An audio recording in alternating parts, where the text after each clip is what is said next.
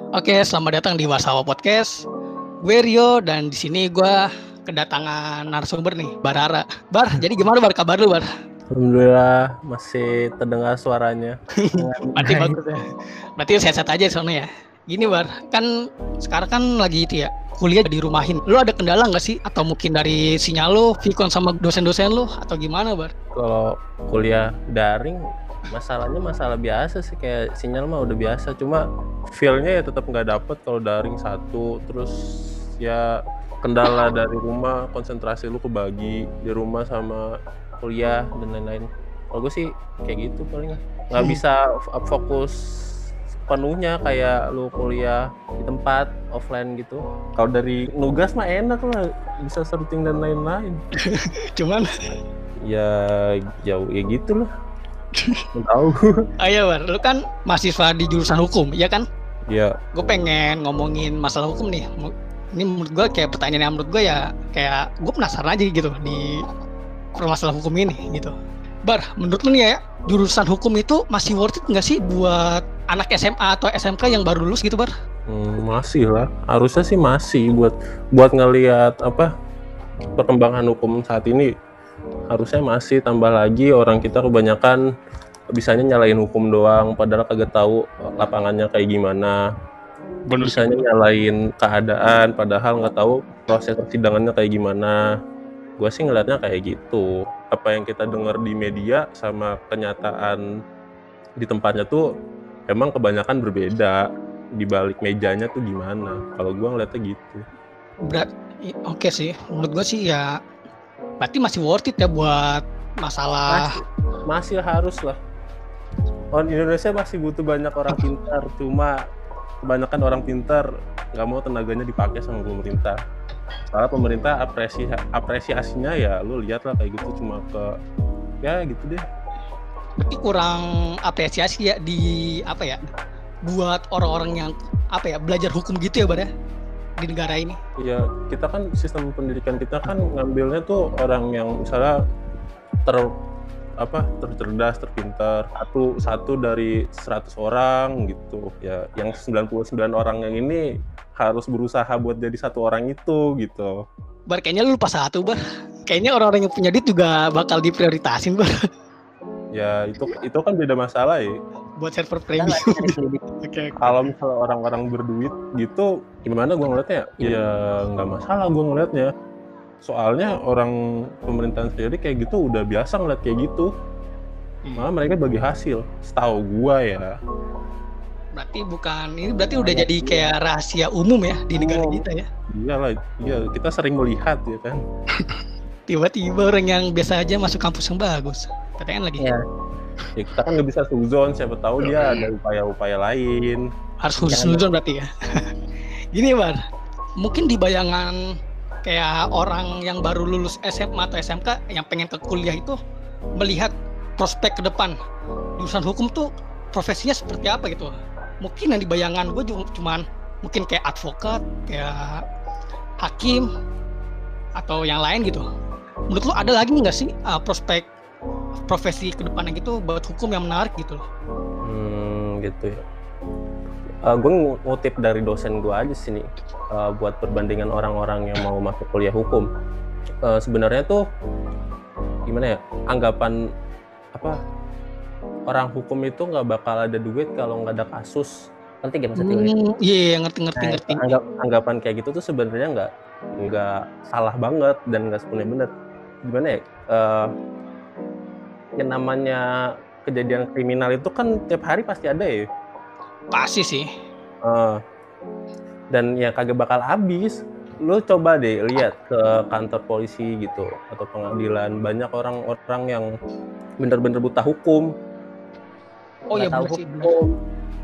Eh, apa buat kalau misalnya pikiran orang hukum nanti jadinya advokat, notaris dan lain-lain masih banyak masih bisa ngelebarin eh, prospeknya kok. Kayak contohnya kayak legalitas perusahaan itu kan pasti masih apa setiap perusahaan itu butuh legalitas gitu. Eh, backingan hukum. Oke oke. Heeh, terus kayak lu punya usaha lu butuh orang yang ngerti hukum buat dijadiin partner partner buat legalitas lu di pandangan hukum gitu. Itu bisa. Terus uh, yang paling rendah banget itu LBH LBH tuh gue cukup tertarik sama orang-orang yang berani masuk LBH soalnya banyak orang bilang tuh LBH nggak ada duitnya. Kan kita kerjanya apa dia kerjanya secara sukarela. So, sorry nih bentar nih gue potong. LBH itu apa sih bar maksudnya bar? Lembaga bantuan hukum. Kerjanya kayak gimana bar? Maksudnya mekanismenya gitu. Kalau itu gue baru dengar dengar sih dari dosen gue apa belum belum terjun ke lapangannya langsung. Apalagi praktisnya apalagi mekanismenya gitu gue belum tahu. Uh, kayak gitu tuh yang dengar dari ceritanya aja kayak gimana ya lo tuh dipanggil sama kejaksaan atau pengadilan gitu terus suruh bantu orang yang nggak punya dana buat ini nih di cover.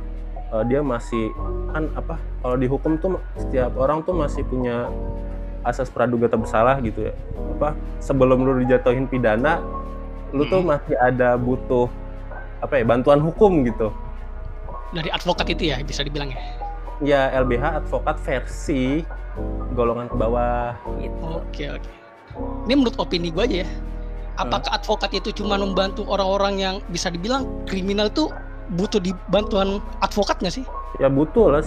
Cuman yang namanya kalau kriminal ya kriminal itu kan maaf maaf golongannya ke bawah ya kan uh, bisa dibilang sih soalnya gue gue mandangnya advokat sama LBH tuh agak berbeda. Advokat kan secara hum, secara umum itu kan kayak apa sih pengacara ya kan? Pengacara lebih ke orang-orang yang butuh jasa pengacara buat nemenin dia di pengadilan. Kalau LBH kan secara sukarela dipanggil sama apa pengadilan ini buat ngecover orang-orang yang butuh bantuan hukum eh, ternyata nggak punya duit. Kalau gue sih ngira gue kalau bener salah itu kan baru pandangan gue ya iya sih kalau ada yang salah ya di, di ini aja diperbaiki cuma sans aja sih pak cuma kan yang karena mungkin kita baru semester awal tiga ya. Iya. Mungkin dari dari lu tuh lu ada pandangan gitu masalah hukum nah, tuh gimana itu. gitu. Gimana sih kita atau lu atau yang ngerti hukum yang melek hukum itu ngajarin orang yang awam gitu yang nggak tahu apa-apa masalah hukum gitu mekanisme seperti apa gitu. Lu punya tips nggak bar? Kalau tips sih gue nggak tahu ya. Soalnya gue belum belum ada gelar dan gue belum ada apa pernah terjun di hukum juga jadi gue nggak bisa ngasih tip. Kalau apa kalau gimana ya bilangnya? Hmm, ada baiknya lu tuh harusnya gini. Paling uh, kalau gue orang yang udah pernah coba masuk ke dunia hukum uh, dari hal-hal kecil sih misalnya di sosmed tuh sering banget ya kan orang-orang uh, belum tahu duduk perkaranya tiba-tiba udah dibilang alah lu mati aja besok. Gitu. Hukum mati aja ya kan. Kayak gitu kan harusnya nggak baik kayak gitu. Orang si hidup disumpahin mati. Kan apa sama aja lu kayak pembunuh juga. Kalau gue sih ya dari sosmed dari hal-hal kecil sih apa kayak ngingetin nggak apa lu jangan gitu dong. Kan dia juga manusia dia juga punya hak. Walaupun nyatanya dia ngebunuh 100 orang kan tetapnya di mata di mata pengadilan tuh nggak bisa kayak gitu. Ini pasti ada dasarnya ada sebab musababnya ada dan lain-lain gitu. Kan gue ngutip dari kata dosen gue juga keadilan tuh datangnya bukan dari undang-undang dari hati nurani manusia itu sendiri jadi ya lu nggak bisa ngecap hukum Indonesia. Jelek banget. Karena kita tahu di media nyata aja di media kelihatannya uh, apa tumpul ke bawah. Orang lemah doang. Nyatanya kagak lo lu tinggal buka KUHP tinggal buka undang-undang di internet bisa di buku bisa. Lo tinggal cari tahu dulu perkaranya. Lo tinggal ngadep ke pengadilan ngobrol biasa. Udah. Kagak harus marah-marah kita harus kayak ngamatin lagi dari undang-undang tersebut ya. Iya. iya, ya, cuma tinggal baca doang sama ngeliat contoh kasusnya biar bisa apa uh, uh, dikurang-kurangin lah kan lumayan dari bertahun-tahun dari bertahun-tahun jadi 8 bulan tuh. Oh berarti sih yang yang gue simpulin dari cara ngajarin hukum ke orang awam tuh ibaratnya yang baru bilang sih bisa baca dari undang-undang negara. Iya. Satu. Itu dan yang kedua tuh menurut gue kayak bilangin orang kalau misalnya sesuatu pasti ada jalur, jalur hukumnya gitu. Iya, nggak lo nggak bisa sewenang-wenang menjatuh sewenang-wenang menjatuhkan nih orang harus mati besok. Aduh, itu sih itu bisa pelanggaran HAM kan Pak? Kok begitu apa? Ini Iya nggak sih? kena U- kena UU ITE kalau ada yang nggak seneng juga bisa Iya aja. sih. Itu masih Orang- pro kontra kan masalah UU ITE itu. Ah, orang bercanda aja besokannya dipanggil sama polisi kan gelo. Wah, sadis juga Pak kok gitu. Balik lagi ke itu, yang penting apa tipsnya ya hal hal terbaik yang bisa dilakukan sama orang-orang yang kuliah di hukum ya ada baiknya kita bantu orang-orang yang nggak tahu hukum. Eh, lu jangan gitu. Semua setiap orang kan punya haknya di mata hukum. I see, I see. Ah, sebelum dia di- diketok palu, lu hukum mati, lu nggak bisa kayak gitu. Uh, panjang juga ya masalah hukum ya masalah gini. cuma ya ya itu pandangan gua sih gua nggak tahu bener kagak itu baru yang namanya mahasiswa semester 3 ya kan Iya.